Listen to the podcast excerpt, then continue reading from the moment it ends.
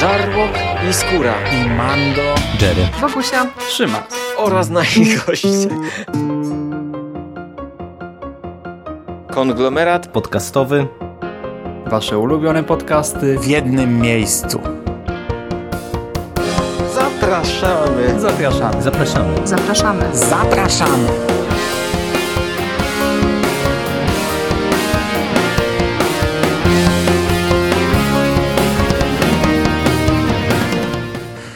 Witam bardzo serdecznie w kolejnym odcinku konglomeratu podcastowego.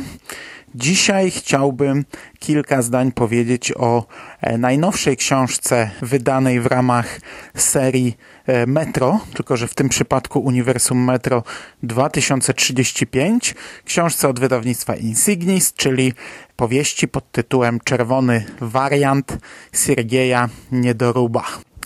Jednak zanim e, do książki przejdę, e, chciałbym kilka zdań powiedzieć o samym uniwersum Metro 2035, ponieważ nigdzie o tym jeszcze nie mówiłem. A jest to istotne dla e, dalszej recenzji. Dzisiaj bardzo często będę na to się powoływał i do tego wracał.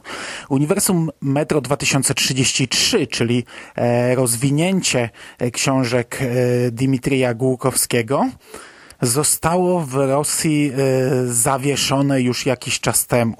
Po osiągnięciu, nie pamiętam ilu, ale coś koło 80 książek, e, zamknięto to uniwersum w pewnym sensie, ponieważ e, zamknięto tak naprawdę tylko w Rosji.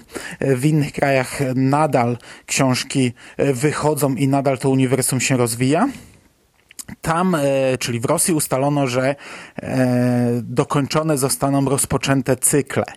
I pierwszą książką, która ukazała się w ramach tego nowego e, podcyklu Uniwersum Metro 2035, była książka Szymuna Wroczka Peter Wojna, druga część Petera, czyli właśnie coś, co jest e, kontynuacją rozpoczęte, rozpoczętego cyklu, ponieważ druga część Petera była książką oczekiwaną od bardzo dawna.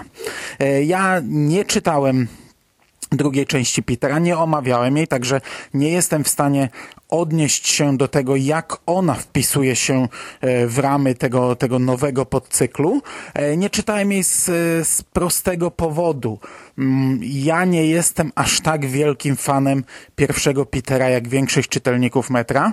E, Przeczytałem go trochę później. To nie była taka książka jak... mm, myślę, że większość czytelników odebrała.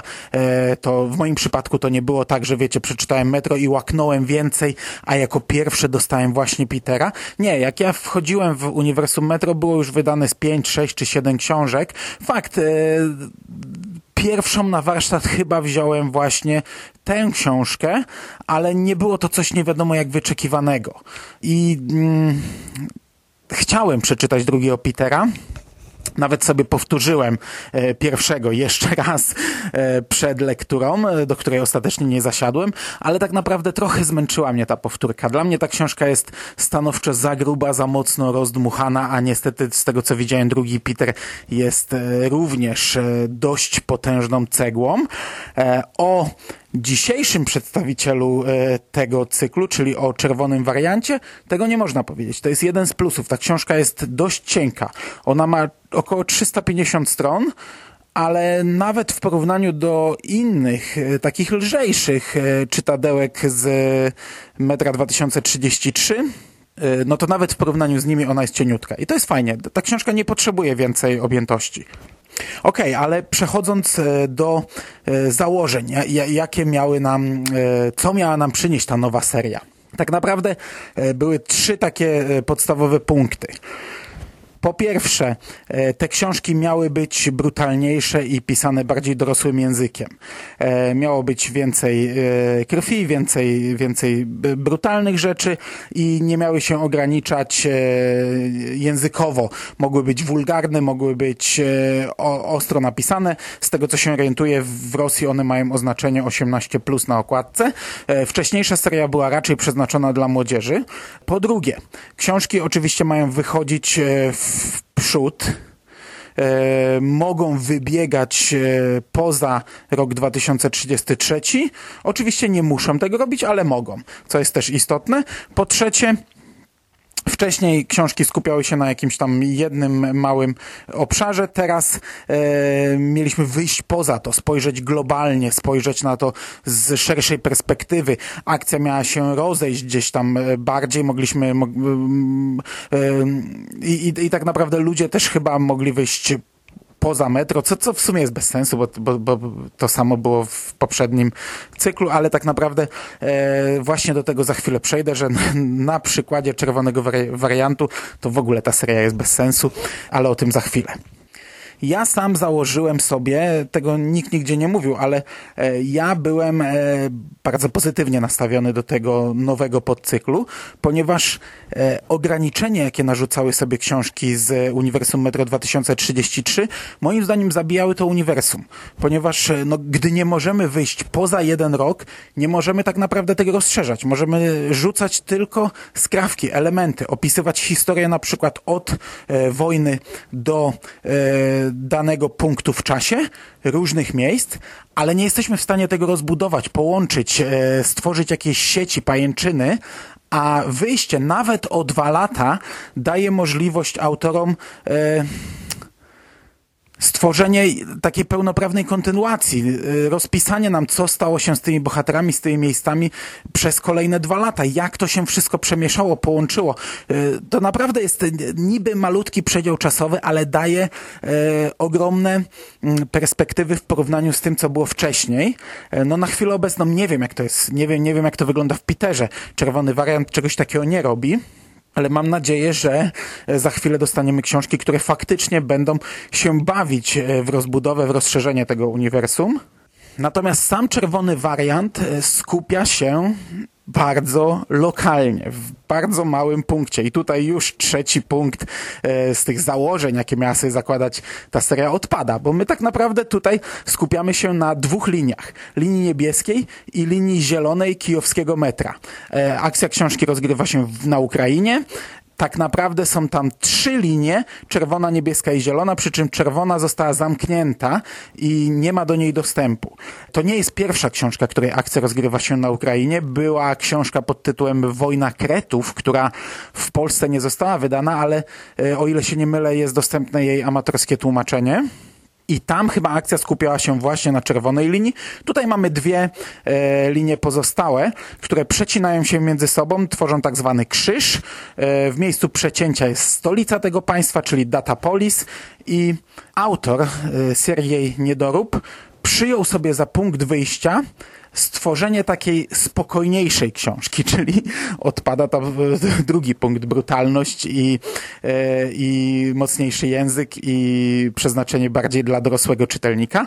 E, tak jak większość e, opowieści postapokaliptycznych przekazuje nam taką smutną, prawdziwą, ale wyświechtaną trochę prawdę, czyli to, że największym przeciwnikiem człowieka jest tak naprawdę człowiek. To, że e, jeśli człowiek spieprzy wszystko, rozpieprzy cały świat, to i tak będzie się napieprzał dalej z drugim człowiekiem, bo, bo taka jest nasza natura. E, autor tej książki przyjął sobie inne założenia. Nie chciał pokazywać takich ludzi.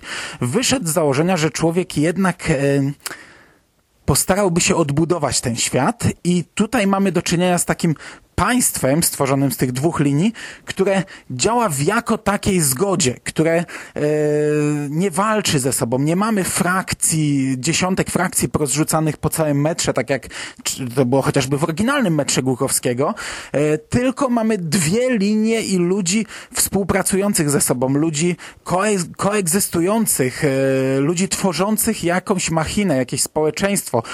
Obserwujemy to, jak, do, dowiadujemy się, jak rodził się ten świat, świat. Obserwujemy, e, jak powstawała polityka, jak, jak, jak, jak było budowane to wszystko, żeby to współgrało, to działało ze sobą. Oczywiście są tam jakieś drobne zgrzyty, jakieś, jakieś niedociągnięcia, jakieś tarcia, ale to nie jest e, na zasadzie walk, zabijania się ludzi między sobą i, i, i nieustannej wojny. E, do tego odpada też druga część, ponieważ w większości książek z tego uniwersum mamy e, bardzo dużo walk z mutantami, e, z tymi potwornościami, które powstały po mm, wojnie atomowej. Tutaj jest tego jak na lekarstwo. Tutaj w ogóle e, wszelkich walk z użyciem broni można by policzyć, no, tego jest jak tyle, co kot napłakał. Gdzieś tam mamy zarysowane, dowiadujemy się coś tam o mutantach żyjących na, no nawet, nawet mamy jedną scenę, gdzie widzimy tego mutanta i, i, i, jego działanie, ale to jest, to jest margines, to jest, to jest marginalne. Sami stalkerzy są tutaj jakby na uboczu, to są tacy, tacy dziwacy, którzy nie wiadomo po co narażają życie i wychodzą na zewnątrz, skoro e, ludzkość odtworzyła, e, no poradziła sobie i żyje pod ziemią. To wszystko działa, ta machina się toczy, e, to funkcjonuje, a oni niepotrzebnie tylko narażają życie i ryzykują. To są tacy ludzie z marginesu, e, postrzegani raczej jak, jak, jak, jak jacyś od szaleńcy, a nie, a nie ktoś, kto jest niezbędny, potrzebny i dostarcza e, materiałów e, no, absolutnie koniecznych do życia pod ziemią. Także już dwa punkty wyrzuciliśmy. Zresztą jeśli mówimy o, o tym dosadnym języku, to jest w ogóle zabawne, no bo na przykład u nas w Polsce e, autorzy nie nakładają sobie takich ograniczeń. Książki Majki czy Schmidta pełne są przekleństw, e, czego nie ma, wiecie, w oryginalnych książkach z Uniwersum Metro 2033. Tutaj w Uniwersum Metro 2035 teoretycznie te, e, te łańcuchy oni zerwali, że, że, że twórcy mają wolność, mogą z tego korzystać. No ja ja wiem, ja jestem absolutnie przeciwny korzystaniu dla samego korzystania. Jeśli to nie jest potrzebne w powieści, no to po co z tego korzystać? Także nie krytykuję, że tutaj czegoś takiego nie ma, ale wiecie, Teoretycznie y, seria nam to obiecuje, a y, ta książka, y, na, na, przykład jest taki moment, gdzie główny bohater się trochę wkurzył, no i, i, i, tam pada, cytuję to z pamięci, on mówi, o kurcze, a, a narrator dodaje, po czym przeszedł do bardziej dosadnych słów, nie? które tutaj nie padły, a akurat w tym momencie mogłyby, mogłyby paść. E, no, trzecia rzecz to było to przeniesienie w czasie, e, co no może tutaj funkcjonuje, może to jest rok 2035, ale tego w ogóle nie czuć. To, to, to, to równie dobrze mógłby być każdy inny rok i powieść wyglądałaby dokładnie tak samo. Co dla mnie jest dużym minusem, ale będę do tego cały czas wracał. Cała historia obraca się wokół tego tajemniczego, e, tej tajemniczej czerwonej linii, tytułowego czerwonego wariantu, który obrósł w legendę. E, wszystko, co złe jest jakoś utożsamiane z tym czerwonym wariantem, do niego nie ma wejścia, jego historia jest owiana tajemnicą, e, nikt nie wie tak naprawdę, co się wydarzyło, no i w początku, w początkowych rozdziałach książki stalkerzy odnajdują człowieka na powierzchni, którego nikt nie zna. No i wszyscy podejrzewają, że pochodzi on z tego tajemniczego, czerwonego, e, z tej tajemniczej czerwonej linii. Człowieka rozpoznaje e, niepełnosprawna umysłowo dziewczynka, a jako, że zarówno tego mężczyznę, jak i to dziecko trzeba wysłać e, do pewnego lekarza, e, w tę drogę zostaje wysłany nauczyciel, główny bohater Jon, który e, przez pewną część książki, to jest mniej więcej jedna trzecia książki, e, idzie. Czyli mamy taką typową powieść drogi, jak to mieliśmy już wcześniej e, do czynienia w przypadku e, tego uniwersum, jak i w zasadzie w większości książek postapokaliptycznych, ale jest to tylko element tej powieści tak naprawdę wszystko sprowadza się do e, rozwiązania pewnej zagadki. E, mamy tutaj rzucane pewne tropy, a wszystko zostaje rozwiązane w finale. To jest taki troszkę kryminał tak naprawdę, e, gdzie wiecie, na końcu wszyscy stoją w jednym miejscu i wykładana jest nam ta historia z różnych punktów widzenia. Kolejne elementy wskakują na swoje miejsce. Na początku wydało mi się to takie sobie. Nie byłem tak naprawdę zadowolony z tego rozwiązania, ale tak naprawdę ten ostatni ostateczny twist mnie zaskoczył. Ja się tego nie spodziewałem. E, to idzie na plus dla tej książki i ogólnie. Podsumowując, To jest książka naprawdę niezła. Tutaj mamy wolne tempo, e, pomimo tego, że ona jest, wiecie, cieniutka, tak jak zwróciłem na to uwagę, do tego jest wolne tempo, nie ma e, takich e, zwariowanych przygód, akcji, strzelania, krwi, walk. E, e, jest raczej spokojna narracja, raczej pokazane jest budowanie tego świata i rozwój bohaterów. To nie każdemu musi się podobać. To jest na plus, to jest trochę inne, ale nie, nie, nie, to, to nie jest to, co obiecywała mi ta seria. E, I teraz wracając jeszcze raz do tego na koniec, ja, ja powiem tak. Czy to jest dobra książka? Tak, to jest dobra książka. E, Czy to jest dobry przedstawiciel e, całego tego uniwersum? Tak, to jest dobry przedstawiciel. To jest świetna książka, która ma bardzo fajny klimat metra, która e, wpisuje się idealnie w, w, mm, w założenia te- tego całego, z tego całego worka. Natomiast czy to jest dobra książka na inaugurację nowej serii, która ma pewne założenia i która obiecuje coś nowego, i, no i która ma w pewnym sensie odświeżyć, pokazać inną stronę tego uniwersum? Nie. W tym przypadku absolutnie nie. To nie jest dobra książka. To nie jest przedstawiciel czegoś, co ma nam odnowić, e, pokazać inną serię. To jest coś, co jest zakorzenione w uniwersum Metro dwa- 2033 i mogłoby z powodzeniem zostać wydane z, wiecie, z poprzednią szatą graficzną, z poprzednią okładką. To by się idealnie tam wpisywało. I dochodząc do takich wniosków na koniec, ja na chwilę obecną nie rozumiem startu tej serii, ponieważ tak, e, został wydany Peter, którego okej, nie czytałem, nie, nie jestem w stanie się wypowiedzieć, e, czy on wpisuje się w ramy tego uniwersum, ale Peter zapowiadany był już dużo wcześniej. E, Druga część Petera miała już e, zaprojektowaną okładkę e, w poprzedniej serii graficznej w ramach Uniwersum Metro 2033, która potem została zmieniona, więc to jest taka książka na doklejkę, na doczepkę. To, to nie jest książka pisana z myślą o nowym cyklu.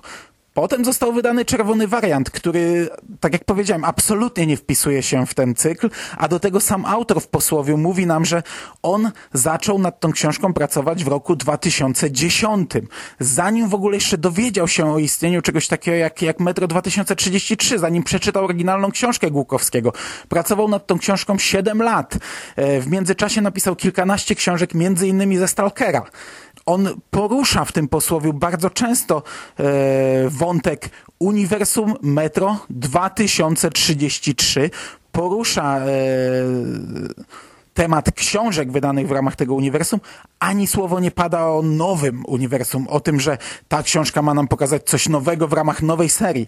To, to jest książka doklejona do tej nowej serii i dla mnie to jest bez sensu. Startuje nam nowa seria, która ma pewne założenia, nawet gdyby tych założeń nie miała, jest to coś nowego a po nowym mam prawo oczekiwać czegoś właśnie nowego. A tego niestety nie dostaję. I ja mam dylemat, jak ocenić tę książkę, no bo to czyta się fajnie, to czyta się szybko, to jest przyjemna powieść, jeśli lubicie historię z tego worka, będziecie na pewno zadowoleni, ale absolutnie nie możecie oczekiwać czegoś nowego, bo w takim przypadku będziecie po prostu rozczarowani. No niestety. Mam nadzieję, że to jest jakiś falstart, chociaż nie rozumiem, e, naprawdę nie rozumiem, e, dlaczego e, do czegoś takiego doszło. No, autorów mamy naście czy dziesiątki, to naprawdę nie był problem napisać coś, co byłoby faktycznie stworzone pod nowe uniwersum, zamiast wydawać nam odgrzewane kotlety w nowym opakowaniu. To jest bez sensu. I trochę szkoda, no bo tak jak powiedziałem, ta książka cierpi na ocenie mm, przez ten pryzmat. Gdyby to była książka, która nie obiecuje mi czegoś nowego, ja bym był bardzo zadowolony i naprawdę wychwalałbym ją e, bardzo mocno, a tak pozostaje ta rysa na szkle. E, I to by było na dzisiaj wszystko. Bardzo Wam dziękuję za uwagę. Trzymajcie się ciepło. Do usłyszenia. Cześć.